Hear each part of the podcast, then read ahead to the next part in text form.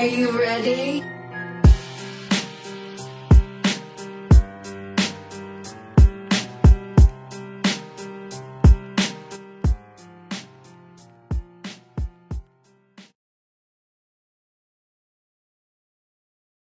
malam balik lagi di podcast ngomongin setan. Masih bareng gue Septian Ahmad dan Andika Andika Brahma Putra mantap jadi malam ini gue nggak tahu nih episode berapa ntar ada lah di judul adalah ini dik kita bahas gunung-gunung yang angker terkenal angker atau daya mistisnya gede Kuat. kali ya Oke, Nah, kita mantap. tadi gue sama Andika tadi udah nyari-nyari browsing-browsing terus dapat di blog.mraladin.com betul Jadi nanti kita bakal eh, bacain menurut versinya si Mr. Aladin. Mr. Aladin. Terus nanti beberapa di di terakhir-terakhir kita bakal tambahin dari versi kita masing-masing gitu kali ya Ding, ya. Kalau misalkan ada cerita dari lu apa dari gua. Tapi lu sebelum pernah naik gunung gak? gue jujur belum pernah Gue pernah naik gunung, tapi ini hitungannya gue nggak tahu nggak tahu ini gunung apa bukit ya. Ada yang bilang soalnya ledekannya bukit pak. Gue dulu naik Papandayan. Papandayan gunung hitungannya Hitungannya gunung kan. gunung Papandayan ayo kalau bercanda anak gunung tuh ah Papandayan mah bukit gitu. Gua emang gue seneng naik gunung dari zaman SMP gue udah mulai ke Gunung Sahari tuh. Enggak bukan gunung. Jakarta Pusat gue udah mulai gunung, situ. bro. itu daerah namanya. Habis itu naik ke Gunung Agung gue Gunung Agung. Beli di buku lantai 4 Ah. Gunung Agung. Gunung Agung habis itu baru ke Gunung Sindur. Gunung Sindur baru Gunung Papandayan. Ada juga Gunung Kapur deh lu tau Gunung Kapur gak sih? Di mana Gunung Kapur? Gue pernah denger sih. Daerah gua nggak Parung. Dia itu pemandian air panas. Oh iya iya yang iya. buat Yang ini pengob- pengobatan penyakit kulit. Dia ada kayak bolong-bolongan tuh sudah iya panas sih bukan sih? iya benar gue pernah lihat dari teman gue sih. Itu dia kan belerang tuh air belerang. Jadi berenang bareng tuh lu ntar bisa nyembuhin penyakit. Tapi gua nggak tahu nyembuhin nggak tahu nuker ya. Bisa jadi nuker cuy. Lu turun panu pulang koreng kan bisa jadi. Ya kan? panunya sembuh pulangnya? Koreng koreng dari orang lain ya kan? Mantap. Bisa jadi. Bisa jadi tuh namanya nyebur bareng-bareng ya kan? Iyalah. jadi yang pertama nih di dari Mr. Aladin ada namanya Gunung Lau. Hmm. nah ini beberapa orang percaya bahwa gunung yang satu ini adalah tempat paling angker di Indonesia. Oke. Bisa jadi sih ya karena Bisa banyak kisah-kisah kalau di TPU Jeruk Purut sama rumah kentang mah lewat ya. Jeruk Purut mah sepi bray. Iya sombong sih, gitu. Soto ini. Sombong mantap, banget. mantap mantap. Gunung Lau sudah lama dikenal sebagai pusatnya kegiatan ritual masyarakat Jogja dan sekitarnya. Hmm. Ini kemungkinan karena Gunung Lau dipercaya sebagai tempat meninggalnya Raja Majapahit Prabu Brawijaya ya benar karena ada petilasannya Prabu, Hmm. Prabu Brawijaya. Brawijaya. terus dia mengutus Pati atau siapanya yang sekarang jadi Su- Sunan Lau eh oh ini eh, eh Eyang Sunan Lawu itu ya Eyang Lawu. Eh, Eyang Lau itu kok Sunan sih Eyang Eyang Lau yang menjaga gunung itu sekarang itu kalau Hmm. nggak salah patihnya dah kalau nggak salah atau atau siapanya dari Prabu Brawijaya tadi. Oke. Jadi kalau misalkan ada peringatan ada ada apa itu katanya kalau yang baik-baik ya tentunya atau yang berniat baik itu katanya datangnya dari si Eyang Lau itu Hmm. mungkin. Tapi di Gunung Lau jangan salah. Di Gunung Lau ini jin-jin yang apa coro-coronya juga di itu Oh. bisa nyerupain si Eyang Lau. Oh jadi menipu ya mereka ya? menipu. Hmm. karena banyak orang yang coba-coba manggil si Eyang Lau ini tapi yang masuk jin-jin lain. Oh karena si Eyang ini kan bukan orang sembarangan dong. iya iya lalu siapa manggil manggil nah manggilnya butuh butuh satu mau il keilmuan yang Iya, tinggi, keilmuan tinggi, terus koneksi bagus juga, Betul, betul. pokoknya nggak bisa sembarangan lu manggil-manggil gitu. Apalagi sampai dia masuk ke badan orang terus ngomong gitu waduh itu kan nggak sembarang orang bro Nah, udah mah nanti yang mediator pasti mengalami tekanan fisik yang lumayan besar kan itu kan energinya nggak nggak nggak sedikit gitu. itu. Di Gunung Lahu juga emang kalau dikatakan angker Hmm. iya tapi kalau paling angker gua nggak ngerti juga sih pergunungan yang tinggi tinggi gitu gua nggak tahu juga cuman kayaknya kalau yang paling angker kayak masih banyak kali ya Masih tempat di Indonesia paling angker Mm-mm. di Gunung Lahu jadi kan yang apa ada istilah pasar setan. Ah iya pasar setan. Mitosnya di pasar setan kalau misalkan ada yang bisikin lu Hmm. mau beli apa Hmm. atau pakai bahasa Jawa misalkan eh ya menanyakan lu mau beli apa gitu dalam bahasa apa pun lu langsung buru-buru keluarin duit. Oh iya gue pernah dengar tuh. Lu mitosnya buang kan? duit kan? Buang duit terus lu ambil sesuatu dari situ. Heeh. entah daun entah batu Heeh. ya kan? Heeh. nanti dia bakal kasih kembalian banyak tuh dik. Oh oh kalau bagian kembaliannya gue nggak pernah dengar. Cuma katanya kasih kembalian biar aman aja gitu maksudnya. Iya itu itu juga. Tapi katanya kalau ini kadang-kadang yang beruntung dapat dikasih kembalian. Hmm. kalau yang suwe duitnya kurang. Jadi namanya orang dagang ya kan? Kalau adanya ATM doang gimana di dompet? Iya juga. Terus eh, ini men- kisah kemarin meninggalnya oh si Alfi. Alfi. Alfi yang hilang Hmm, selama berhari sampai sekarang belum ditemuin ya? Belum. Jasadnya. Karena ya banyak versi yang mengatakan ini itu ini itu. Diambil positifnya aja jangan ya dari kejadian-kejadian gitu kan kita jadi belajar kalau misalkan Betul. namanya di gunung Mm-mm. namanya di di alam yang terlalu terbuka gitu yang nggak ada manusianya otomatis itu jadi tempat tinggalnya para hewan liar sama Hewan liar sama jin. jin betul. karena kan mereka udah milih tempat yang sepi dong. Hmm, pasti. Nah kita kan ke sono nih. Hmm. mau main mau apa mau apa mau sekedar jalan-jalan. Ya sudah sepantasnya kalau kita bertingkah laku sopan-sopan atau normal-normal aja deh nggak usah aneh-aneh gitu ya. Baca doa lah juga. Eh, mungkin lu respect dengan lu berlaku sopan seperti kayak lu ketemu orang tua lu atau gimana ya udah biasa aja gitu. Buang sampah jangan sembarangan. Betul. kan katanya kalau anak gunung ada tuh ininya apa aja tuh? Quotes quotesnya Oh, jangan iya. meninggalkan apa pun selain jejak, Selain jejak. Eh, gitu-gitu jangan jangan. ngambil apa pun. Tujuan utama naik gunung adalah untuk pulang Oke. gitu gitulah itu bagus juga tuh. jangan memaksain mungkin gitu kali ya. Mungkin. Jangan jadiin puncak tuh tujuan. Ah. tujuan lo adalah pulang. Itu. Di jadi di gunung udah sepantasnya lu bertingkah laku manusia dah gitu yang sopan yang jaga kebersihan. Hmm. karena satu mah itu alamnya masih bagus jangan sampai lu kotorin. Jangan lu rusak lagi nah terus omongan-omongan kasar segala macam itu kan sebenarnya di mana pun juga nggak boleh kan. boleh. Jangan kata di gunung di markas brimob juga kan nggak boleh. lebih parah lagi. Lebih parah, ya, bisa nyonyor bro bibir kita jangan maksudnya jangan. Bekas brimob ya bisa jadi juga ada orang berani gitu kan. Iya jangan lah maksudnya normal-normal aja sopan-sopan. Mm-mm. kan namanya lu jalan-jalan sebisa mungkin pulang happy lah. Jangan sampai pulang malah apa-apa gitu iya malah hidup nyakit Itu penyakit kan. Nah itu kemarin soal kasus meninggal Alfi juga banyak kontroversi tuh. Katanya Mm.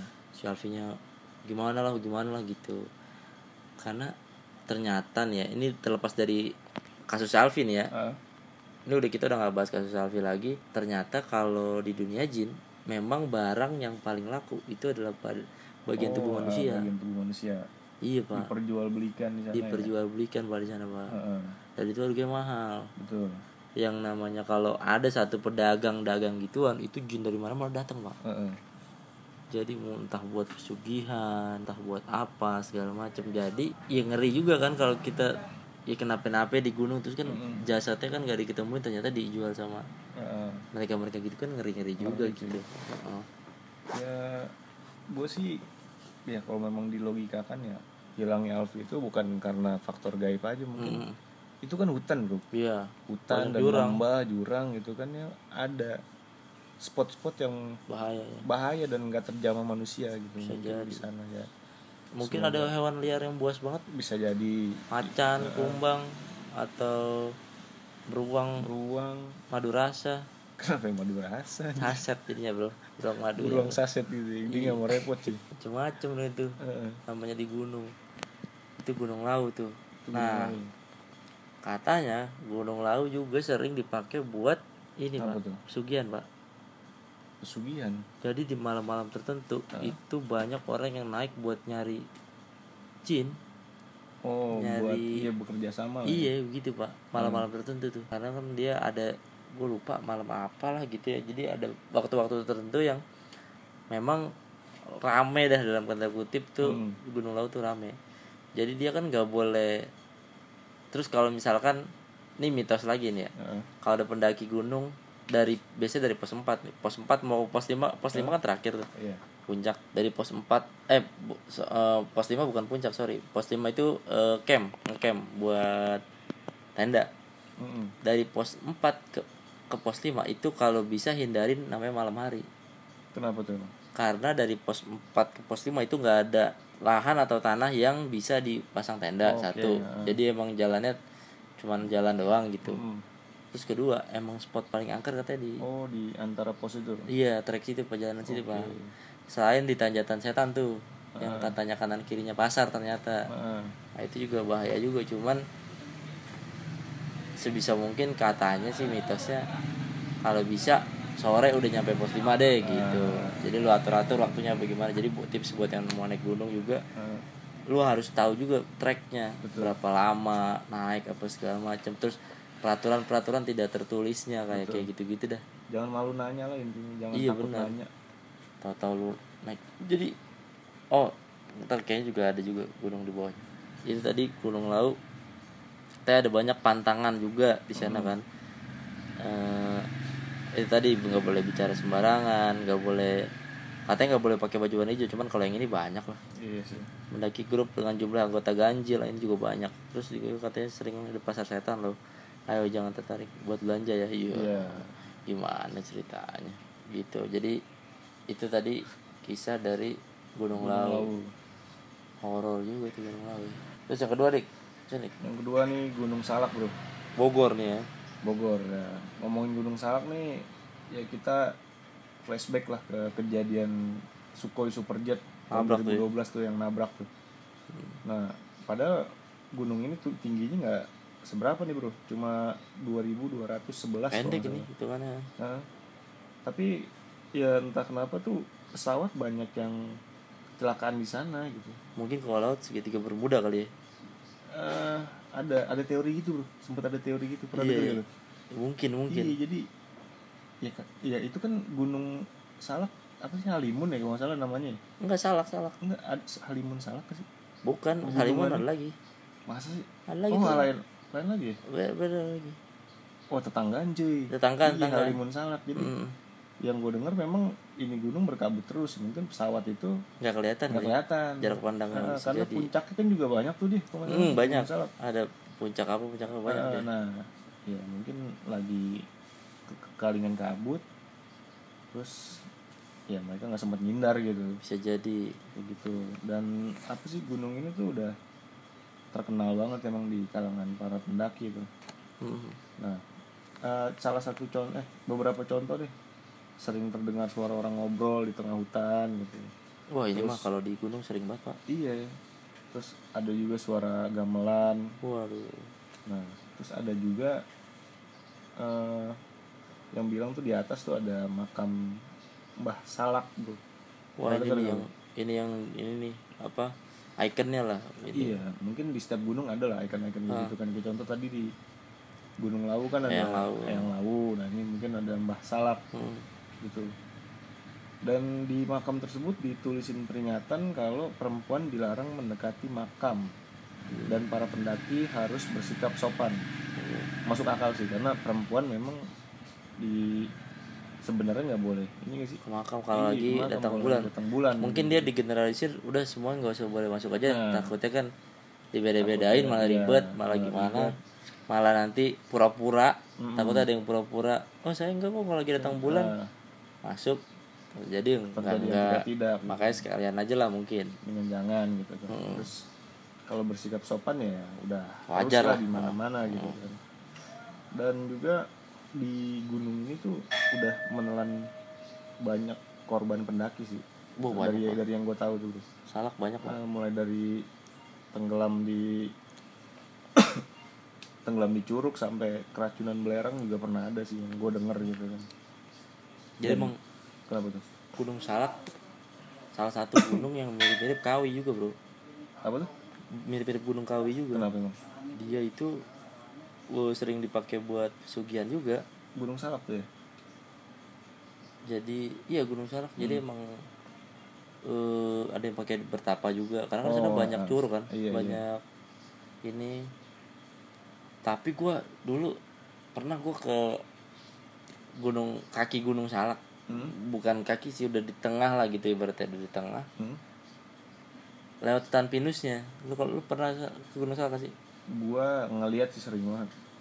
Gua ke hutan pinusnya Hah? jam setengah sebelas malam pak. Anjir ngapain gile gue waktu itu kalau nggak salah mau nganter jadi cewek gue ada acara kampus. Heeh. nah dia nyusul. Terus? minta anterin gue kan iya. motoran karena gue deket kan ke Heeh. Bogor langsung.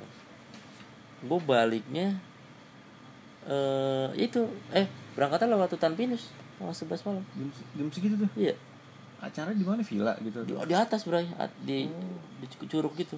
Nah gue kan nggak tahu jalan yang satu lagi. Heeh. ternyata ada jalan yang lebih rame. Oh. Gue baliknya lewat jalan yang lebih rame. Lu berangkat mengambil jalan yang lebih sepi. Lebih sepi. Nah Karena pas sampai tahu. sampai di atas di dibilangin sama ibu-ibu. Heeh. lu untung kamu nyampe sini kata dia gitu. Anjir Waduh, gue bilang. soalnya selain itu katanya dia sering begal juga. Oh, oke. Itu Masuk juga. akal heeh. katanya anjir gue bilang. jam sebelas malam Heeh. lewat hutan di gunung naik motor. Di hutan bener hutan berarti ya? Iya anjir. Huh, itu pengalaman yang Pengalaman. bodoh menurut gue itu. Berharga tapi bodoh. Gitu tapi kita boleh juga kalau jalan-jalan kali ya. karena curugnya bagus-bagus coy. Bisa juga sih. Jalan-jalan. Cuma, ya butuh waktu sih. Iya sih. Menurut gua ngumpulin nyali dulu Ngumpulin kali ya. dulu, karena gitu kita ya. juga kayak ya ya, berani mah berani cuman cuma kan aman tidaknya kita tidak tahu mikir-mikir dulu. Mikir-mikir. Tapi ada satu lagi dulu gue pernah dengar cerita tentang uh, mitos dari si Mbah Salak ini. Hmm. katanya kalau lo naik Hmm. ketemu makam Mbah Salak itu pendakian lu tuh udah direstuin. Pernah denger gitu oh iya. Ya kan kalau lu nggak ketemu kalau lu nggak ketemu mendingan lu turun aja. iya benar benar benar gue juga pernah denger pernah denger sih gue nggak tahu ya. Mungkin itu mitos juga kali ya tapi ya tidak ada salahnya juga juga ada salahnya juga di inilah karena kan patuhi. kayak yang tadi Septian bilang naik gunung tujuannya buat pulang buat bukan pulang buat bener. puncak. bukan buat puncak. Puncak mah cuma foto doang paling.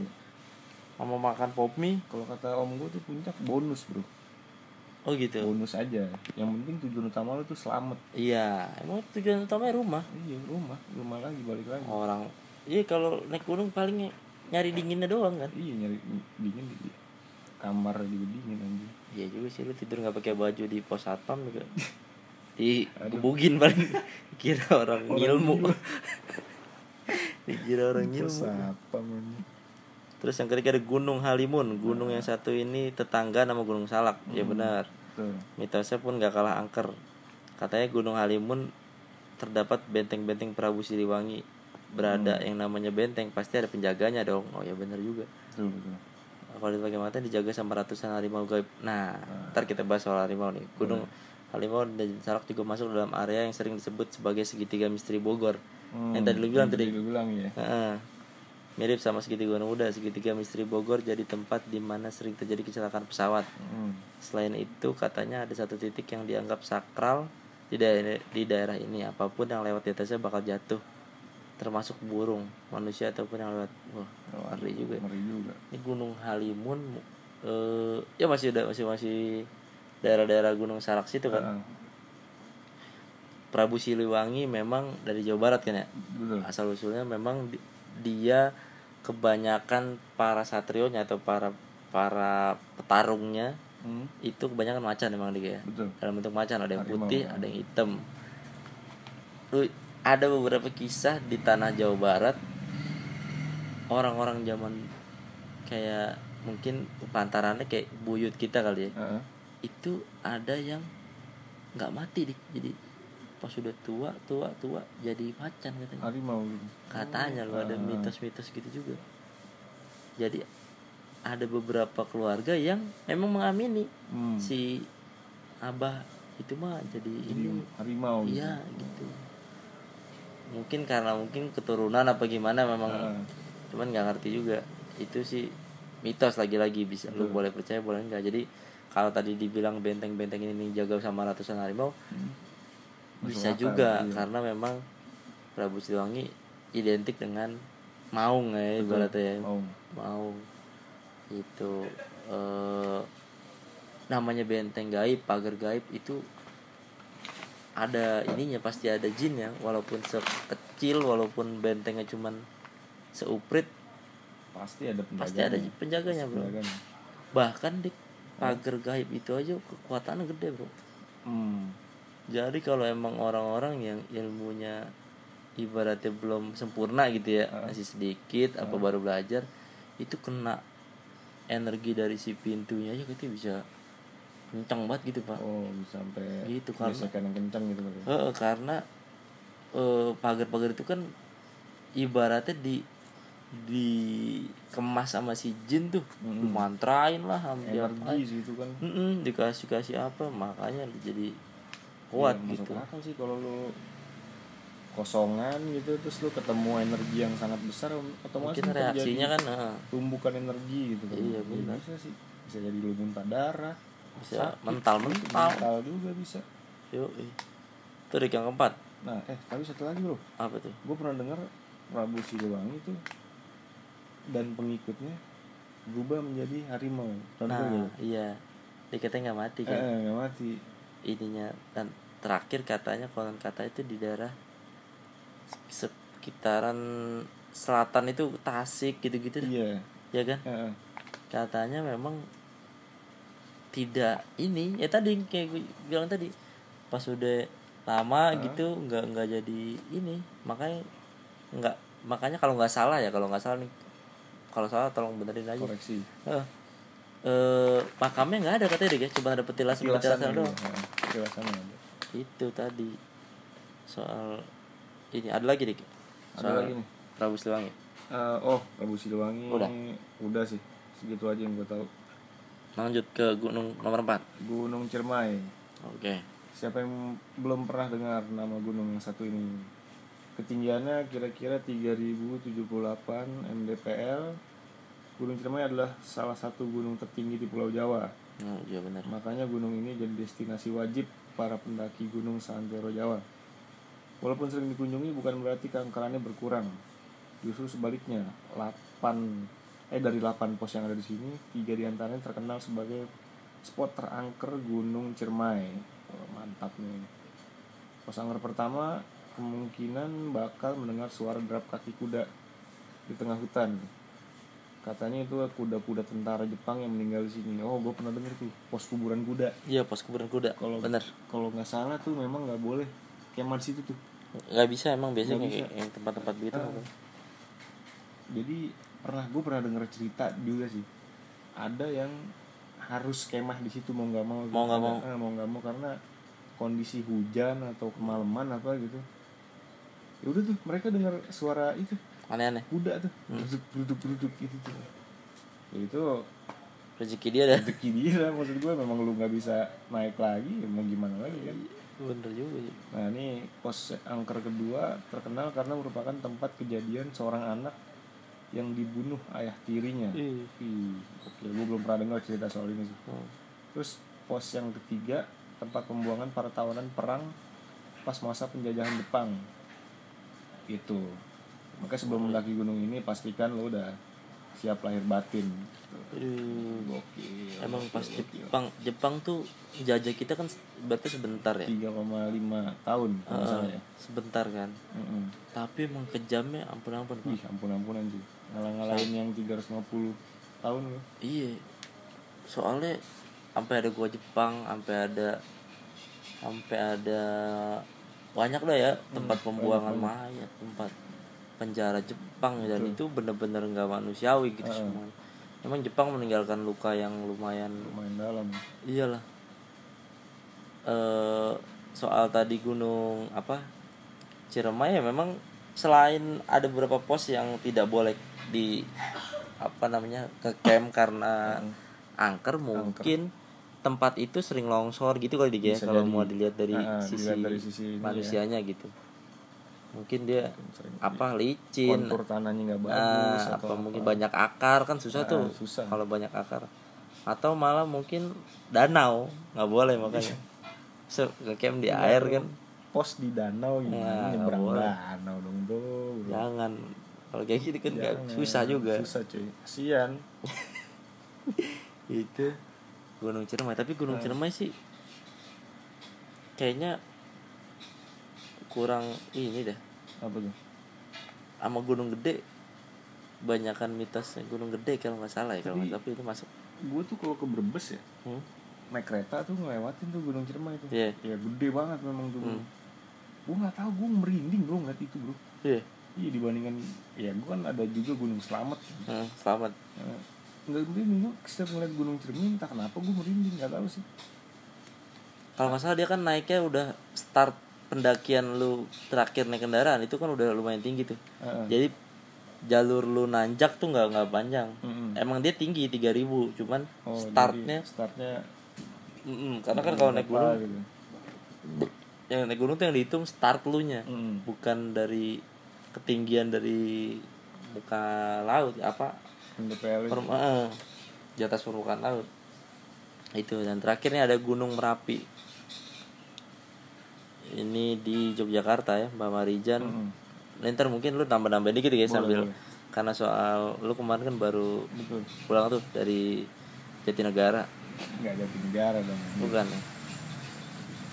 Jadi ini ikonnya udah nggak ada lain lah ya. The one and only Mbah Marijan. Sama Rizal Kukira Mbah Marijan cuman mbah-mbah kuncen biasa tapi ternyata dia emang pas itu meletus ibaratnya itu dia marah dia nggak turun nih pak Hmm, ya. turun. Tapi istrinya turun apa? Istrinya turun. Istrinya turun dan ada beberapa warga lokal yang memang setia gitu. Nggak mau turun. Ibaratnya konco kental banget konco berarti ya. kental mungkin teman-teman dulu teman-teman ini kayak teman Iya, nongkrong kayak- bareng kali ya teman Iya, ngopi kali. heeh, kayak lu sama gua kali gini. Tapi kalau lu nunggu gua turun sih. Anjing juga lo emang. Iya, gila kalau gue sih biasanya bong-bongin lu dulu. Dik, tungguin bentar ya aku cabut langsung kenapa harus bohong? Mungkin gitu Mbak Marijan dia sa- sujud ya dia posisinya? Sih gitu Mm-mm. itu yang ininya teman-teman itu? Jadi teman-temannya Marijan Holik bukan sih? Bukan anjir bukan bukan, Bukan. anjing besar memang gue dengar dari tour guide sana ya Ya. Mbak Marijan itu memang udah sumpah setia sama Mer- Gunung Merapi? Bukan sama Keraton? Raja keraton siapa? Sri Sultan. Sri Sultan Ah. sorry sorry Sri Sultan. Kalau walaupun gunung merapi meletus saya nggak akan turun gitu. Saya setia gitu. Ah, nah mungkin itu yang bisa dibilang the real hero. Iya benar karena juga dia ya kayak- Menepati janjinya. betul, menepati janji. Ya, kayak kapten kapal lah dia nggak nggak mau turun. Pantang pulang sebelum. Ya kayak gitulah pokoknya dia harus jadi orang yang terakhir turun. Dan memastikan semua. Eh, tapi emang itu Merapi kan heboh banget ya? Heboh banget. Sampai gede banget lah ibaratnya eh, erupsinya waktu itu. Betul. Begitu turun dan Mbah Marijan sudah dikonfirmasi ada di atas dan akhirnya kegulung sama Wudus Gembel. Bonus gembel. Anyep bro emang langsung. Ap- apanya tuh? Erupsinya erupsinya langsung menurun turun. drastis kan Mm-mm. begitu lewatin Mbah Marijan kan dia nggak nyampe ke bawah-bawah banget kan? Enggak, enggak memang ke, ke rumah warga sebagian cuman begitu udah kayak udah nih. Udah tuh anjir. Heeh. magis juga tuh bro. Ya itu sisi magis sih gua gua juga nggak paham sih itu apa. Mungkin karena bima yang dia minum kali ya, bisa rosho itu bro ya. Iya, bisa jadi juga tuh. Nah ada juga tuh bro. Jadi di sana ada bunker yang memang disiapkan untuk kalau erupsi? Kalau erupsi. Hmm. Nah, tapi ketika tahun 2006 itu erupsi ini gue denger dari si tour guide ya. Hmm. ketika 2006 itu erupsi ada dua jurnalis Hmm. itu berlindung di sana. Oh, iya. ternyata itu lavanya sampai situ bro. Terus? Jadi mereka tuh kubur terpanggang di dalam ini di kamar dia mereka yang satu ngumpet di kamar mandi air mendidih Aduh. nah itu jadi tuh bunkernya sebelumnya tuh penuh sama lava tuh bro Waduh. oh itu tahun 2010 sorry Oh. itu yang 2006 cuma mendidih doang nah tapi 2010 udah nggak dipakai bunker itu karena 2006 udah gagal Ah. jadi bunker itu nggak dipakai nah ketika letusan 2010 ada itu- lagi ah, ah, ketutup tuh sama lava tuh ah. Bro itu posisinya tuh jauh dari gunung bro dan itu Iya. ada sungai besar maksud gua lu kebayang kan lu lava tuh sebanyak apa sampai tumpah-tumpah ke Iya. sampai masuk ke situ lah ya sampai masuk ke situ nah itu penuh Hmm. tapi udah dibersihin sama warga jadi tinggal ada batu kotak doang di tengah itu batu lava di situ oh. wah lu kalau ke dalam situ bro lu ya gue nggak tahu mungkin lu kalau lu sensitif lu bisa ngerasain sedihnya mereka tuh gimana paniknya mereka panas kepanasan mereka aduh gue kemarin nggak betah sih di dalam. Karena panas. Panas jadi gue ngerasa nggak gimana sih? Gue kayak ngerasain sedihnya Oh. mereka gitu. Aduh sian bro emang nggak ada ATM ada ATM biasa dingin tuh nggak ada dong anjir. Ada. itu siapa yang mau ngambil duit bro oh iya, iya. tapi monumen Mbak Marjan masih ada yang dia sujud? Eh, petilasannya sih. Petilasannya tempat dia sujud memang kayak dipakein keramik gitu sih oh dia tapi dia mau udah dievakuasi ya? Jasadnya dia udah. Eh, makamnya di tempat yang berbeda. Kalau kemarin kan itu tempat dia sujudnya di situ. Terakhir ya terakhir ibaratnya. ha. Jejak terakhir itu legend sih itu. Legend legend kalau Sumpah. mau masuk pahlawan mungkin salah satu pahlawan mungkin Mbak Marijan gitu ya? Marijan, betul. Setia dia. Setia bro. Real hero. Sama gunungnya setia bro. Oke. Sama janjinya sih. Sama janjinya dia pokoknya dia nggak mau turun. Tapi dia bener-bener ya kalau ada apa-apa dia naik reda gitu kan sebelum sebelumnya lu tahu kan. kisah-kisahnya misalkan eh mau erupsi nih terus dia naik. Mm-mm. ibaratnya nggak tahu deh ngobrol apa gimana. Reda, turun lagi reda gitu kan sampai Iya. akhirnya puncaknya mungkin ya. Mm-mm. dia udah tua kali dia udah memang harus istirahat gitu mendelegasikan tugasnya Betul. ke orang yang lebih muda atau orang apa. Anaknya sih sekarang setahu gue tuh. Iya. Eh, anak yang ganti. Kuncen ya emang biasanya turunan bro ya? Turunan sih. Mbak Marijan. Nggak mungkin dong kalau dari Mbak Marijan ke lu gitu misalnya. Nggak mungkin lah. Kecuali gue dek Marijan. Aduh deh pak adeknya. Bisa jadi tuh kalau gue adeknya. Aduh anjir kalau dia kan kak Marijan iya berarti Kak Marijan. Itu Gunung Merapi. Tapi emang Gunung Merapi itu selalu punya banyak cerita bro Mm-mm. gue pernah gue kan perpisahan di hotel Taman Eden 2 Heeh. Jogja. Jadi Jogja. lu kalau mau naik ke Merapi ada sebelah kanan, Hmm. kanan jalan. Dulu abang gua juga ada rumah gua di sana di di Jogja itu arah Merapi jalan ke jalan Kaliurang situ juga 2 km udah mau naik naik sana lah. Hmm. Situ juga ada rumah. eh emang cerita-cerita mistisnya lumayan kencang juga pak. Apa tuh? Kalau di Taman Eden itu kan udah mau naik banget ya udah mau naik. Kayaknya sih udah tinggal pemukiman kan rame tuh rame terus tiba-tiba sepi kan di atas kan udah nggak ada pemukiman. Nah, mungkin daerah-daerah rame situ itu ada satu kamar yang nggak boleh nggak boleh tempatin. Hmm. kalau Taman Eden. Terus kalau ada acara apa pun maksimal berhenti jam 10 oh nggak boleh lebih dari nggak boleh lebih gue pernah gue perpisahan lebih pak. Hmm. jadi di hotel itu ada dua sekolah ya. Sekolah gue sama sekolah lain. Karena kita sampai jam 11 Hmm. kalau nggak salah sampai jam 11 sekolah lain itu kesurupan pak satu sekolah. Ceweknya. Semua masalah gitu? Masal semua. Anjir. Sampai digeletak-geletakin di lobi hotel. Gila. Uh banyak banget pak. Untung bukan sekolah lu yang kena. Nah itu dia untungnya ternyata ditelisik lagi. Hmm. sekolah lain ada kuda lumping kuda lumpingnya gitu Oh. pentasnya. Mungkin kan emang buat hiburan hmm. tapi mungkin serius. Nah bisa jadi kan? Kayak gitu. Tuh. Kebablasan. Nah terus ditelisik lagi ternyata mereka ada yang berzina.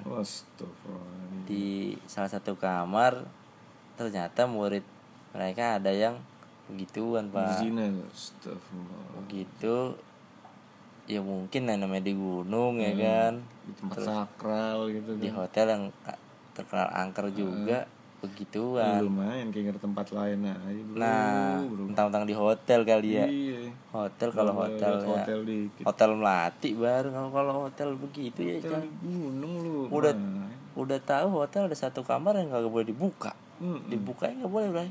Ya. Jangan ini main di situ lagi. Ya, j- tidak dong. Tidak itu kan dong. kagak boleh. Kita kan pertanyaan itu ini kamar Iya. buat apa isinya? Ah, jangan-jangan emang hilang kuncinya. Bisa jadi kan? Kuncinya hilang.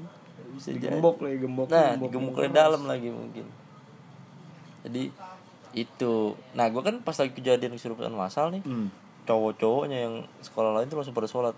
Ah. sholat isya jam setengah dua belas tuh. Wah langsung pada religius kan tuh yang biasa habis mabok mabok langsung Nah. sholat anjir langsung sholat semua tuh set. nah sekolah gua karena kemakan hype-nya menegangkan kayak begitu Eh? sebagian yang cowok standby nggak pada nggak tidur ya yang cewek-cewek langsung pada ngumpul semua tuh kayak misalkan saat yang tadinya satu kamar berempat jadi satu kamar sepuluh oh ramean gitu ya. ramean ramean gitu nah gue karena gue kan gak pernah ke Sugoi sama gitu gituan ya Heeh. gue beli wedang ronde di bawah di depan hotel terus ibu-ibunya nyantai dagang biasa seperti tidak ada kejadian apa apa nyantai aja. Gua beli gue makan kan ya. ngobrol tuh bu emang kalau di sini gimana bu gue dapet info kalau nggak boleh lewat dari jam 10 dari si ibu itu Oh. emang mas kalau di sini jangan sampai lewat dari jam 10 kalau bisa karena berisik kata dia gitu Iya kalau dia sih. alasannya gitu Heeh. Karena berisik mas? Kata dia oh iya juga sih bu. Makannya santai ngobrol-ngobrol tuh di belakang jerit-jerit. Heeh. di belakangku tuh yang cewek-cewek tadi pada wow segala macam. Buset gue bilang. Waduh yang la yang lakinya super sholat semua anjir. Itu gue makan wedang ronde kayak kayak apa ya? Kayak ngerujak orang lagi perang gitu. Gue ngerujak aja santai sama ibu itu ngobrol Katanya, kayak udah biasa gitu gue bilang anjir anjir ibu-ibu beneran kan ya? gue beneran bray. Jualan wedang ronde. Oh. Dia emang nggak tahu emang orangnya santuy dari lahir kali ya mungkin. bisa jadi. anaknya sans banget. Anjrit gue bilang. Itu pedagang-pedagang lain pada dagang aja. Mungkin kayak ah Ya, udah biasa. Gitu Karena kali ya. memang nggak satu dua orang yang gitu bro. Ya juga eh sih. nggak satu dua apa sih? Bisa apa? Pengunjung gitu pengunjung gitu. mungkin mungkin. Mungkin sebelum sebelumnya ada juga yang petakilan terus kena akibatnya bisa gitu. itu emang merapi emang. Serem bro. Dan salah lu. Apa? Magisnya magis kenceng ya? Ya kan setiap nah, sudut di Jogja yang ada cerita-cerita sejarahnya emang lumayan mistis. Lu jadi kekeraton kemarin? Gua ke ke- nggak nggak jadi ke nggak jadi ya? Ke Parangtritis juga gua nggak sempet. Nggak sempet ya? karena apa panas bro. Panas banget sumpah. Iya bro. Ih panas banget. Namanya pantai. parah Gue dengar lu akhirnya ke wisata khas Jogja di Malioboro katanya. gua iya gua ke McD Malioboro gitu beda Jarang banget. sih. iya ada sesaji kagak dong anjir KFC, KFC. KFC Oh, gua sama gua ke pasar ini Klewer. Beringharjo Beringharjo, makan pasar Klewer di Solo dong. Klewer Solo Makan pecel. Sekarang udah ada harganya tuh ya di gerobak-gerobak ya. ada udah ada Sekarang udah gak dikemplang lagi. pengamen bro yang nggak nahan bro anjir Lu duduk bentar pengamen pengamen berapa? banyak bener ada sejuta kali gua ngasih pengamen. Anjrit. Daftar BSI kita sekarang nih. lu baru makan dikit ya ya. ya ya ya sih Anjir. gimana dong Kayak tapi ada kejadian lucu bro kemarin bro goblok banget gua tuh gimana tuh? gua ngikutin Google Map sama istri gua Heeh. Lu posisi naik mobil naik motor? motor gua Naik motor. gua nyewa motor kan Heeh. gua mau ke Beringharjo tuh namanya turis kan gua jarang ke Jogja nggak tahu dong Buta jalan Oh, nih. gue pakai kacamata terus pakai jaket gua udah parlente banget. Yo i Parlente. Set. Lewat mana nih? Oh, ini ikutin jalan lurus nih. Heeh. Ada gerbang, gue masuk, Bro. Set. Set, gue masuk tuh. Set, ikutin jalan, bet bet bet bet. Pas jalan yang dituju, ujung-ujungnya ada inian, Bro. Di Palang mau Brimob. Heeh. Di Palang Brimob. Panik dong. kan. Panik, ada pan apa panser gitu kan. Brimob pada ngeliatin gua. Coba tanya gitu. Ah, enggak deh, balik aja deh. Gua ngeri maksudnya disuruh push up gua salah Iya benar juga sih. Gua nanya sama tukang sapu. Eh. Pak kalau mau ke Beringharjo ke mana ya Pak? Kok saya diarahin ke sini? Ngapain ke sini Mas? Ini kantor gubernur. Iya. Demi Allah bro, gue masuk kantor gubernur bro. Ket malu banget gue sumpah demi Allah. Aduh. Sebenarnya Aneh banget, aneh banget. mungkin salah mah enggak, cuman malu ya. Ih malu cuy. Iya iya iya. Enggak itu Google-nya disuruh masuk gua. Karena emang posisi deketan di Ih dekat emang. Nah, lu mungkin salah milih ini kali kendaraan kali lu waktu itu jalan kaki kali kayaknya milihnya sih di map. Delman sih kayaknya. Nah, itu gua. kalau Delman mungkin boleh lewat situ. Anjir aneh banget bro. Anjir. Gue dijutekin sama Satpol PP di situ. Mohon maaf Pak Satpol PP. Untung bener lu enggak ini lu. Kalau nggak gue nanya mau brimob suruh push up tuh anjir. suruh beli pecel ke depan lu. Mas belum bisa pecel nih mas. Mumpung teman lagi mas. ada 10 nih. Iya. Mumpung mumpung lagi di sini sekalian sampai kan naik motor. Kor gue anjir anjir. Kenapa masuk kantor gue? Aneh banget, aneh banget sumpah. sumpah. Anjrit, anjrit. Gua kalau gua di Jogja nih, Bro. Eh. Gua itu eh, hari pertama lebaran. Hmm. Jadi gua eh, di Wonogiri udah dari Hamin seminggu lah lebaran. Iya. Gue emang rencana balik hari hal lebaran jadi habis sholat Oh, id siang salam salaman cabut tuh cabut gua kan naik pesawat dari Jogja kan Heeh. gua ke Jogja dulu nih soto soto yang aku beli pesawat malam ah Heeh. malam. Biar bisa jalan-jalan nih ibarat Iya. sendiri. Dengan bodohnya gue baru inget oh iya ya tas gue baju kotor banyak. Heeh. ide. Ah gue kirim tiki aja ah. Ya, iya siap. iya Oke. kan? Tanpa sadar nih kalau itu hari hal lebaran. Heeh. gue cari tiki terdekat. Set, tutup. Gue tanya pak kalau tiki yang rada gede di sini di mana ya? Gitu. Oh ada. Dikasih tahu tuh. Bener kasih tahu ketemu tuh dik gue kirim. Terus? Pakaian kotor gue gue kirim nih sobat Eh. ide banget dah gue bilang. Gue kirim di hari pertama lebaran nih. Heeh. jalan Jogja tuh sepi. Heeh, terus? Tuh toko belum pada buka gitu ya. Terus pas udah nyampe bandara lagi gue baru mikir-mikir. Ini kan hari pertama lebaran ya. Ngapain gue puter-puter segala macam?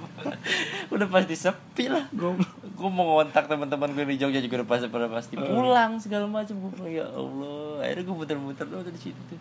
Naik gojek untuk masih ada gojek tuh. Gue muter-muter anjing aneh banget dah nih. Akhirnya gue makan apa ya itu ya? Pokoknya ayam buka dah gue masuk dah situ dah Heeh. yang namanya lebaran pak. Gak ada yang buka anjing. Aneh banget gue bilang. Bangsu bangsi terus kemarin ada juga tuh kejadian tuh ya gua gua nggak sebutin nama tempat Tokonya? makannya lah pokoknya ada lah mercon Eh, Heeh.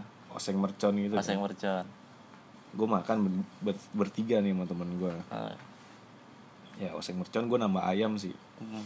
nah pas gue mau bayar depan gue tuh ada anak muda gitu bro Hmm. gue udah nyediain duit cepet tuh kan Hmm. anak muda dua orang gue nggak tahu dia makan berapa orang kan Hmm. dia nanya bu ini ini ini berapa 375 ribu Nah, dar gitu gue kaget bro iya. dia makan cuma dikit dia aja sampai pucet gue lihat. Iya. nah pas gue tahu dia harganya segitu langsung gue keluarin lagi Iya.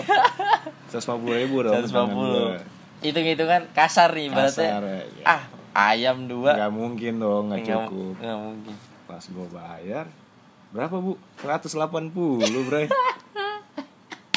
180 Jadi hitung-hitungin seporsi berapa tuh, Dik? waduh berapa ya iya 60.000. 180 bagi tiga lah 60 ribu. 60 ribu Ya anjing, Dikemplang. gue bilang gila gila enggak yang kasihan sih depan gue tuh 375 lu makan oseng mercon bray Gila. Makanya emang kalau di Jogja kalau mau kulen kulineran segala macem lu mending satu kalau misalkan nggak punya teman searching dulu dah iya yang benar. yang recommended atau yang ketahuan nih Heeh. range harganya. Kadang-kadang emang gitu bray. Tapi itu rame banget bray. Maksud gue kalau restoran penipu nggak mungkin gitu lah. Soalnya itu yang ngantri panjang banget. Di Malioboro tukang pecel juga rame bray. Nggak itu ngantrinya bray sumpah. Sampai berderet gue tuh kadang-kadang lima menitan ngantri. kadang-kadang tuh yang ngemplang bukan harga tokonya. Apanya yang dagang dia lihat ini orang mana nih? Oh. Mungkin gue terlalu parlente mungkin. Mungkin tuh waktu itu harus pakai dandanan gembel ata Iya, mungkin. mungkin. Anjir. Mungkin. Dan game apa yang sangat real itu loh. Nah ini kan gue nggak bisa gue nggak bisa bahasa Jawa lah bahasa Jawa kasar kan gue bisanya. Itu juga dikit dikit maksud gue kalaupun mau nyaru nyaru jadi orang Jogja gue susah juga cuy. Iya. Gimana mau bahasa isyarat gitu kan? Nggak bisa mungkin. dibohongin juga kadang-kadang dandanan kita kan. iya dandanan. Karena ya gue udah biasa ya udah gue mau jalan ya begini gitu iya, iya.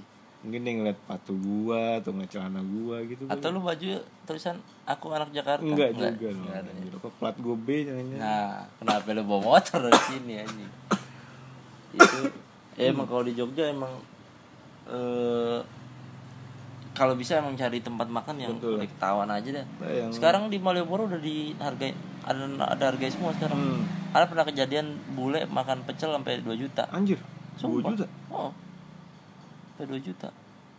Makan pecel sama apalah tapi gitu. dibayar boleh Ya, dibayar dong. Itu tuh tapi dia ngelapor di kemplang akhirnya sekarang di ini kan. Nah itu yang ngerusak, ngerusak- Pasar. iya pasar maksud gua. Orang mau makan jadi takut takut Nah. gitu loh. Padahal kalau lu masang harga yang normal makanan lu enak lu kaya kok lah Pasti rame. jangan nggak usah ngemplang-ngemplang gitu lah. Makanya.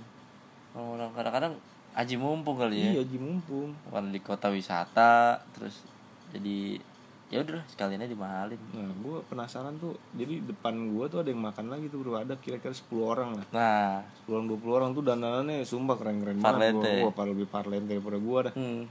Jauh jauh di atas gue parlente gue dia sampai berapa juta nih gue tebak-tebakan? Kayak 10 juta kali lu gak ikutin gak tungguin sampai dia kelar? Kagak. Gue karena udah udah kelar? sakit hati juga bro maksudnya. Oh iya Ah, udah iya, gondok gua- gondok udah gondok nih gue aduh. 180 bray Sama bertiga kan ayam begini doang masa kan? Iya ayam musim mercon. Aduh. Tapi gue ya ngelihat ke bawah lah maksudnya. Masih ada yang lebih parah daripada gue iya juga ya. Ntar ya, ntar ya. 375 tapi itu tuh yang 10 orang tuh. Iya itu gue nggak tahu mungkin STNK mobilnya ditahan mereka naik bis gitu cuy Iya. naik bis sumpah. Satu bis kecil tuh rame-rame turun makan situ semua. Tapi emang bangsat bangsat sih restoran-restoran di jalur tuh mudik. Wih, itu juga anjing tuh harganya tuh. parah. Aku pernah berhenti di ah gue lupa namanya apa. Daerah-daerah Jawa Barat sih kayaknya masih.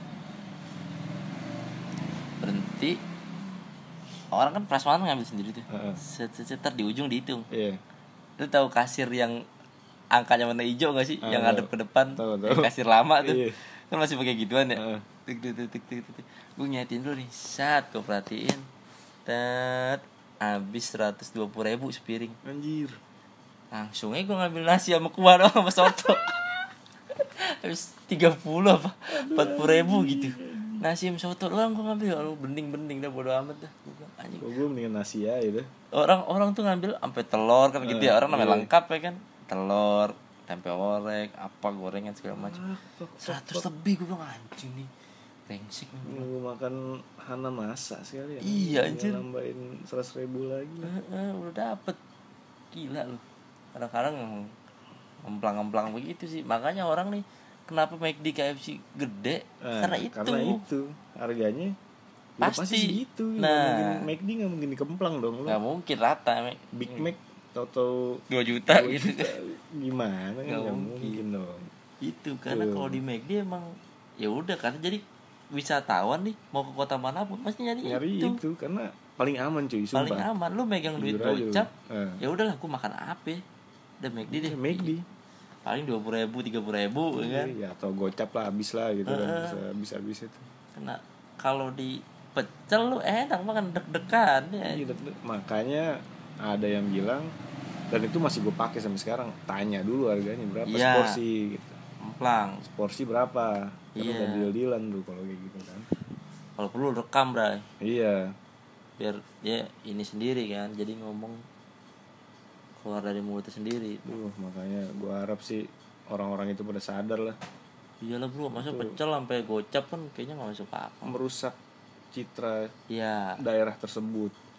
Gue Jadi- nggak bilang daerah tertentu ya cuma banyak loh soalnya kayak gitu bro bukan karena satu dua daerah. iya jadi apa ya wisatawan kan jadi was was gitu. Was was takutnya gue makan mie ayam ntar geser patok nih. Kenapa geser jual patok? tanah bro. Takutnya ya kan anjing geser patok bangsat. Iya kan takutnya gitu. Iya iya iya. namanya tumpang nggak kira-kira kadang-kadang? Gila gila gila gila. Pecel kocap buset gue Ih, bilang. sakit banget hati gue Gua makan toge sampai kenyang sampai kembung ya kayaknya sampai gocap di sini. Gitu gocap dapat satu hektar ya. Iya. gitu tuh kalau di tempat wisata itu tadi cerita soal gunung dan sedikit Ah, soal ya ikutnya itu lah. Iyalah.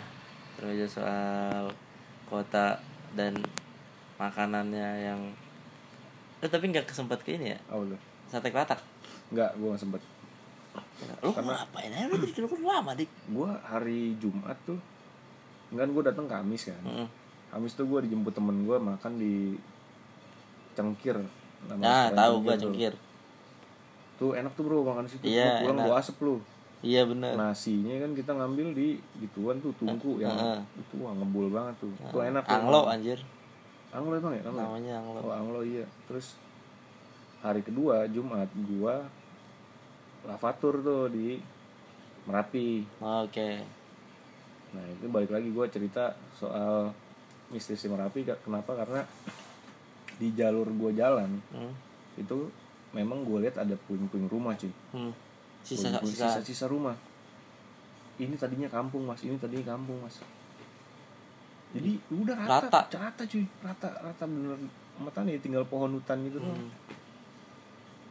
dan katanya memang banyak korban juga di situ gitu. Pasti banyak, pasti banyak cuy. Kalau rumah segitu banyak kan? Heeh.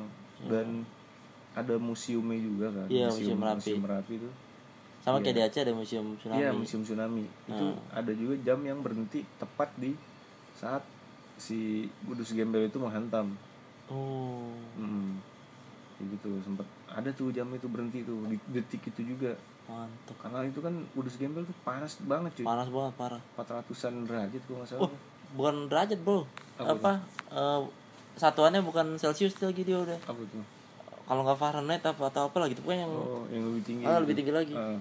itu emang uh, pa- lahar bro. Panas banget cuy. Namanya dari ini bumi inti bumi. Nah terus kalau orang kena Kudus Gembel tuh katanya sih ya. Raib bro. Enggak ngelupas cuy. Kalau Kudus Gembel kan Oh, asap asapnya tuh, doang, asap panas, doang. panas. Ngelupas kulit ya meninggal tapi Hmm. kalau kena lahar. laharnya udah. Hilang. jadi debu. Hilang. udah itu nggak kelihatan makanya Hmm, lawyer langsung. banyak orang yang hilang mungkin ya. Raib sama iya. gabung sama ini kali ya sama larut gitu kena Hmm. gituan cuma jadi bulir-bulir minute maid kali ya. Mungkin kurang lebih kurang lebih. Bisa jadi. Kurang lebih kayak gitu. Anjing. Kenapa bulir-bulir minut iya kan. Dikit-dikit doang gitu tipis-tipis iya, mungkin. tipis aja sisaan gigi paling apa-apa. Mungkin lu. Kasian lu. Terus ada lagi yang soal ini? Em, apa lagi ya ya paling itu sih ada itu ya Iya. jadi kisah-kisah lu di kisah Berapi itu doang sih tadi lu nggak ke benteng-benteng gitu apa enggak? Eh, oh benteng gua ke ini. Federal apa sih itu yang benteng gua malam satu suro di Kiterin tuh? Ada ritual gitu yang cuy dekat Mal- Malioboro bukan? Ah ah, nggak jauh dari Malioboro lah pokoknya alun-alun selatan dekat alun-alun oh selatan benteng ini. Ah gue lupa Yang namanya. Takeshi ya bu masalah eh Bukan. ada si panglima aja dong. Panglima. ya yang mulia. kamu bodoh. Ayo manis. Iya benteng itulah. Iya itu ya. Nah itu gue sempat ikut sebentar tuh acaranya. Cuma karena ada kemalaman gue memutuskan buat balik. Istirahat. Istirahat. Dan itu memang acara sakral banget sih. iyalah Sakral buat banget warga sih. lokal lah ya. Buat warga lokal katanya sih kepercayaan mereka kalau mereka ikut acara itu dan nggak ngomong sama sekali gitu, sambil berharap sesuatu sesuatu berkah gitu ya insya Allah akan terkabul. Hmm, Kayak gitu cuy. Gitu jadi tapi lu beli baju dagadu gua enggak bro gua beli baju barong. Bali dong. Bali dong. Bali. enggak bro gua yang ini yang tipis banget ya baju pantai ini tapi adem cuy iya bener juga sih Nah, langsung ah gue bacain email dari Boleh. Hirma Paramita double A. Halo abang-abang sekalian, tetap sehat dan lancar urusannya bang. Amin. amin amin Bang jadi sekitar pertengahan 2018 ibuku sakit sampai pindah rumah sakit dua kali. hmm. Baru sembuh. Awalnya sebelum dirawat di rumah sakit di rumah toke. Ah, Di rumah kakek kali. Di rumah kakek sering di rumah toke tulisannya. Kakek kali ya. iya mungkin panggilan Sering banget bunyi waktu oh maksudnya Oh, di, di rumah. toke sering banget bunyi bukan rumah toke. Ah, elah. ada tanda baca sih eh, kayak kandang reptil jadinya kayak kandang reptil lu. Ah, lu bener-bener. rumah toke Mm-mm, di, di rumah toke sering banget bunyi waktu maghrib kucingku yang terbilang banget males ngeong Hmm. lah terbilang banget. Bilangnya kucing males ngeong gitu. Seminggu ngeong ngeong terus. Sama ayam tuh malam-malam berkokok terus. Hmm. pokoknya rumah udah kayak nggak kondusif katanya. Hmm. terus setelah selang sebulan semua balik normal. Ayah dinas ke Malang di sana ketemu sama teman kuliahnya. Ayah cerita cerita gitu. Taunya teman ayah ini orang yang bisa nerawang jarak jauh. Hmm. mantep. Awalnya konfirmasi rumahmu ini depannya ada itunya ke ayah waktu itu fix rumahku teman ayah ini bilang kalau ada yang ngirim sesuatu ke rumah ternyata jelek ayah tanya itu kalau mau dibersihin gimana caranya terus beliau bilang kalau di Madiun ada orang yang bisa bersihin Hmm. Sepulang dari Malang, ayah ngasih tahu ibu masalahnya. Mereka ngiranya itu cuma kiriman dari saingan kerja. Akhirnya mereka pergi ke Madiun nemuin orang yang bisa bersihin diceritain semua terus bapaknya bilang kalau ini yang kena bukan cuma ayah ibu. Ternyata kakek dan buleku juga kena. Hmm. ayah ibu dan bule di Rukia bang disuruh mandi di masjid. Tua yang petilasannya di sana ada sumber airnya. Oh minggu depannya si Pak Rukia ini. Oh Pak Rukia. Pak Ruki ya coba dibersihin rumah minta disediain kembang boreh tujuh rupa sama kendi buat medianya. Pak Rukia ini pergi ke pojokan garasi sama ayah yang megang kendinya Pak Rukia ini kayak menggapai sesuatu gitu terus udahannya ngajak ayah balik ke ruang tamu. Di sana tutup kendi dibuka. Itu satu ruangan kaget waktu di dalamnya ada pocongan. Wah ini nih. Hmm.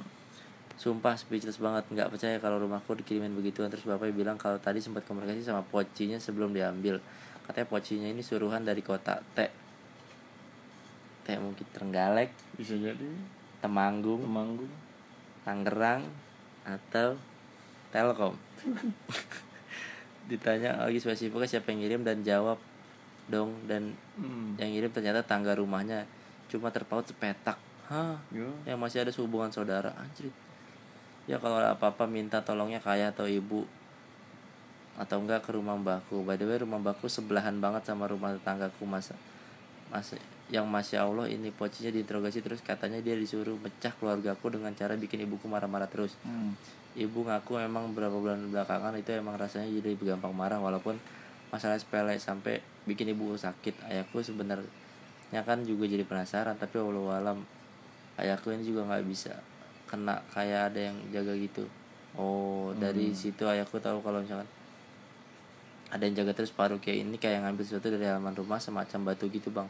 Disuruh dibuat kalung dan cincin terus dipakai terus aja di, langsung penarikan benda aja Oh, ikan nyata tuh. Mm, Pak Rukianya ini tanya ini bilangnya mau dibuang aja atau dikembaliin.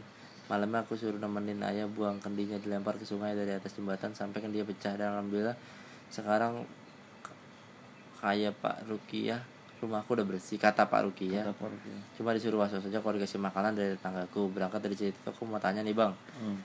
Yang pertama mereka tetanggaku tahu nggak kalau kirimannya udah dibersihin dari rumahku. Terus begituan tuh bisa balik ke mereka sendiri nggak sih bang? Eh, bisa greget banget sama tetanggaku udah dibaikin cuma karena masalah tanah warisan bisa-bisanya begitu ke keluarga. Sama kalau kiriman udah dibersihin sama dibuang bisa ngefek ke pengirim nggak bang? Makasih banget bang. Maaf emailnya panjang. Sukses terus podcastnya bang. Salam kue tiaw. Send from my Samsung Galaxy S6 Edge on the Telstra gitu, Mobile gila. Network. Mantap. Tadi pertanyaannya mungkin kita jawab short-short aja Boleh, nih ya. boleh. Kita kan sama-sama nggak tahu nih. Mungkin ya ini mah yang berdasarkan yang pengalaman yang pernah gue baca atau pernah gue dapet dari orang lain aja. Hmm. Kalau misalkan ada orang dikirimin, Ah. terus kita buang deh tuh ibaratnya kita Hmm. sikat gitu. Hmm. Kira-kira pengiriman tahu nggak tuh? Tahu, pasti tahu. Pertanyaan pertama kejawab, tahu dan Pasti memang tahu. Tahu. Emang tahu. Menurut beberapa orang yang memang punya kalian juga, gue nanya memang sesuatu, misalkan orang ngirimin santet lah ibaratnya ya ke kita, kita nggak balikin nih, cuman kita bunuh di tempat gitu, ibaratnya kita sikat ilangin di tempat. Hmm. Pengiriman tahu, Tahu pasti. karena itu sifatnya jin. Betul. Jin kalau misalkan disuruh pergi sama orang atau diutus untuk ke suatu ke tempat sesuatu, gitu, begitu ada terjadi apa-apa pasti yang ngirim berasa lah ibarat tadi gitu. Hmm. itu tadi tahu nggak kalau rumah kalau itu tahu terus gituan tuh bisa balik ke mereka nggak sih bisa nggak dik Ba, ya, ada kemungkinan Karena- bisa Iya, ada kemungkinan bisa karena kak gue pernah dapat cerita dari guru gue, dia pernah dikerjain cuy, mau Hmm. gitu. Dan mungkin dia ada amalan tertentu yang dibaca sama dia, Mm-mm. besoknya yang ngerjain meninggal. Uh. berapa hari kemudian balik berarti balik, balik. Padahal dia nggak ada niatan balikin tuh. Dia Hmm. cuma doa dan katanya doa tersebut ya mengandung amalan apalah gitu. balik ya Balik. jadi dan yang emang gue tahu dik itu bisa dibalikin tapi alangkah lebih bijaknya kalau Betul. kita dijahatin udah nggak usah balas dia fokus penyembuhan kata Mas Andi. Nah, fokus, Fokus kita ke kita aja sama ke keluarga kita. ibaratnya ya. Jangan ke buat nyakitin orang lain. Mm-mm. Kalau katanya dia greget cuma masalah tanah warisan bisa-bisa begitu ya namanya warisan bro. namanya itu duit nggak ada saudaranya bro. Nah, duit tuh nggak punya temen, duit tuh nggak punya Punya saudara. Ini kalau ada apa-apa murid ini diomongin di awal. betul. Misalkan soal jangan ntar-ntar jangan gampang-gampang dah kalau duit mah mendingan diomongin. Nggak punya nggak punya punya punya bilang gitu dah pokoknya. Terus kalau misalkan kiriman udah dibersihin sama dibuang bisa ngefek ke si pengirim nggak? Hmm, beda-beda kalau dia beda-beda sih. Ya gue mikirnya gini loh. Ap- apa yang lu kirim. tuai itu? Tanam. Eh tanam itu bakal tuai gitu. Kapan pun ya entah Kapan pun. sekarang Ya, eh, entah apakah besok. nanti di akhirat. Karena kan itu kan lu berbuat yang sangat buruk cuy. Ya. Dan lu udah melanggar semua hukum betul semua hukum agama hukum, hukum agama hukum ya hukum kita juga dilanggar gitu.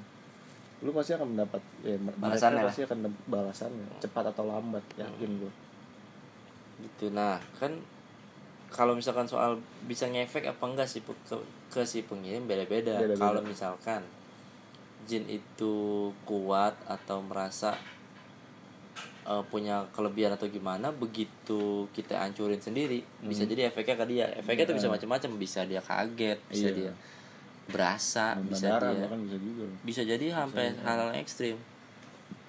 Itu tadi soal eh, ya soal kirim mengirim ya Hmm, soal SMS-an segala macam. Enggak SMS bangsa. Ah saling SMS-an? kirim saling kirim kan? Kirim santai ini bentukannya pocong pocongan nih. Gue curiga nih kayaknya ini nih bangsa. tuh? Bondo mayat nih kayaknya nih. Hmm. yang efeknya emang oh yang cepat itu. Mm-mm, kayaknya ya. Atau yang kalau itu kan mati. ini cuma buat mecahin doang kan? iya sih terus dikirimnya pocong. Iya. Oh, masuk akal berarti ini tuh. Pocong namanya mau lu mau ibaratnya dari pocong lu harus ngambil aset dari dia kan entah kainnya lu Oh, ambil dikit iya. talinya nah ini kan Betul. ketemunya pocongan Ketemu, nih ah. itu berarti pasti diambil dari siapa Salah, gitu ya. Heeh. salah satu bendanya lah Nah, dibaca-bacain set kekunci deh tuh betul itu jadi ya lebih berhati-hati aja buat keluarganya alhamdulillah kalau misalkan sekarang udah nggak terjadi apa-apa udah aman-aman aja eh tetap saling kompak yang penting ya Betul. biar komunikasi komunikasi soal tadi kan tuh dia sampai hampir dipecah tuh Ah, ah. soal ibunya bikin marah mulu segala macem yang mungkin komunikasinya lebih di pererat lagi lebih di ya. hubungan sama keluarga segala macem Betul. biar sampai jangan sampai ada masalah-masalah kecil jadi langsung besar. marah Betul, gitu besar, gitu. mungkin itu kan jadi bisa menghambat energi-energi lain buat Betul. kalau kita energinya positif satu rumah kan insya Allah nggak bakal inilah Hmm. nggak bakal kalah gitu energinya. Pokoknya apa pun agama lu jangan lupa berdoa. Itu aja. betul. Doa menurut kepercayaan dan agama masing-masing. Kalau lu menyembah kaleng pokari silakan. Bisa. Menyembah. Oh. lele gitu. nah kangkung layu. Ah lu bisa juga. Kalau lu nyembah kangkung layu. Kangkung layu. Spesialis bro. Itu. Terus kalau misalkan dapat kiriman nih suwe-suwe amit-amit gitu ya. Ah, dapat kiriman udah jangan jangan dibalikin Jangan gitu. dibalikin. udah kita cari orang yang benar cari orang yang mengerti udah minta tolong dihilangin aja. Karena kalau lu balikin tuh menjadi lingkaran setan tuh. Nggak kelar kelar bro. Nggak kelar kelar Lu ngirim, dia ngirim, dia ngirim, ngirim. Lu lu mending- dapet dosanya cuy. Hmm, mending lu kirim stiker lewat WhatsApp. Bisa nggak lu yang aman-aman aja kan? Nah. Nggak usah kirim kirim emoticon WhatsApp atau Nah. apa.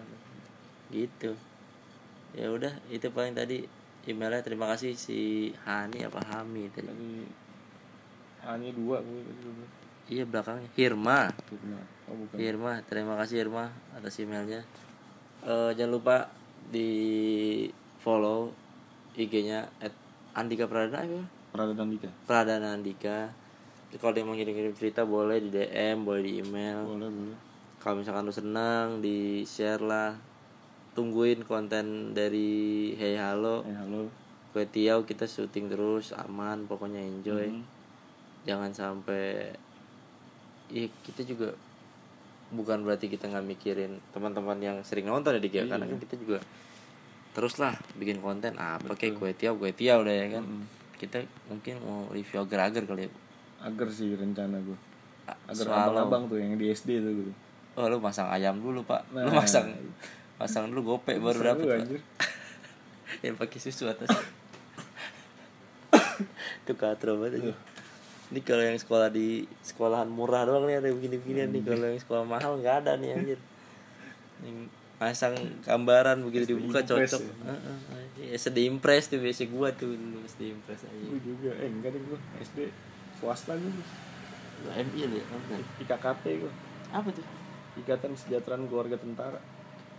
Sumpah di sini SD oh iya lu SD tentara ya? Iya anak-anak perwira semua ya? Iya Emang lu bukan apa ada tentara Hmm, bokap gue programmer Hah? nggak ada anjir gue tentara Red call bukan? Red call Tahu tahu red call. Tahu red call bangsat. Oh, lu sekolah di tempat berarti lu dipukulin tiap hari kan? enggak loh SD mana dipukulin Oh, iya. kira baru kuat. Oke, segitu aja. oke Terima kasih banyak Andika. sama-sama bro Eh, jangan lupa dengerin terus. Sampai jumpa di episode berikutnya. Dadah. oke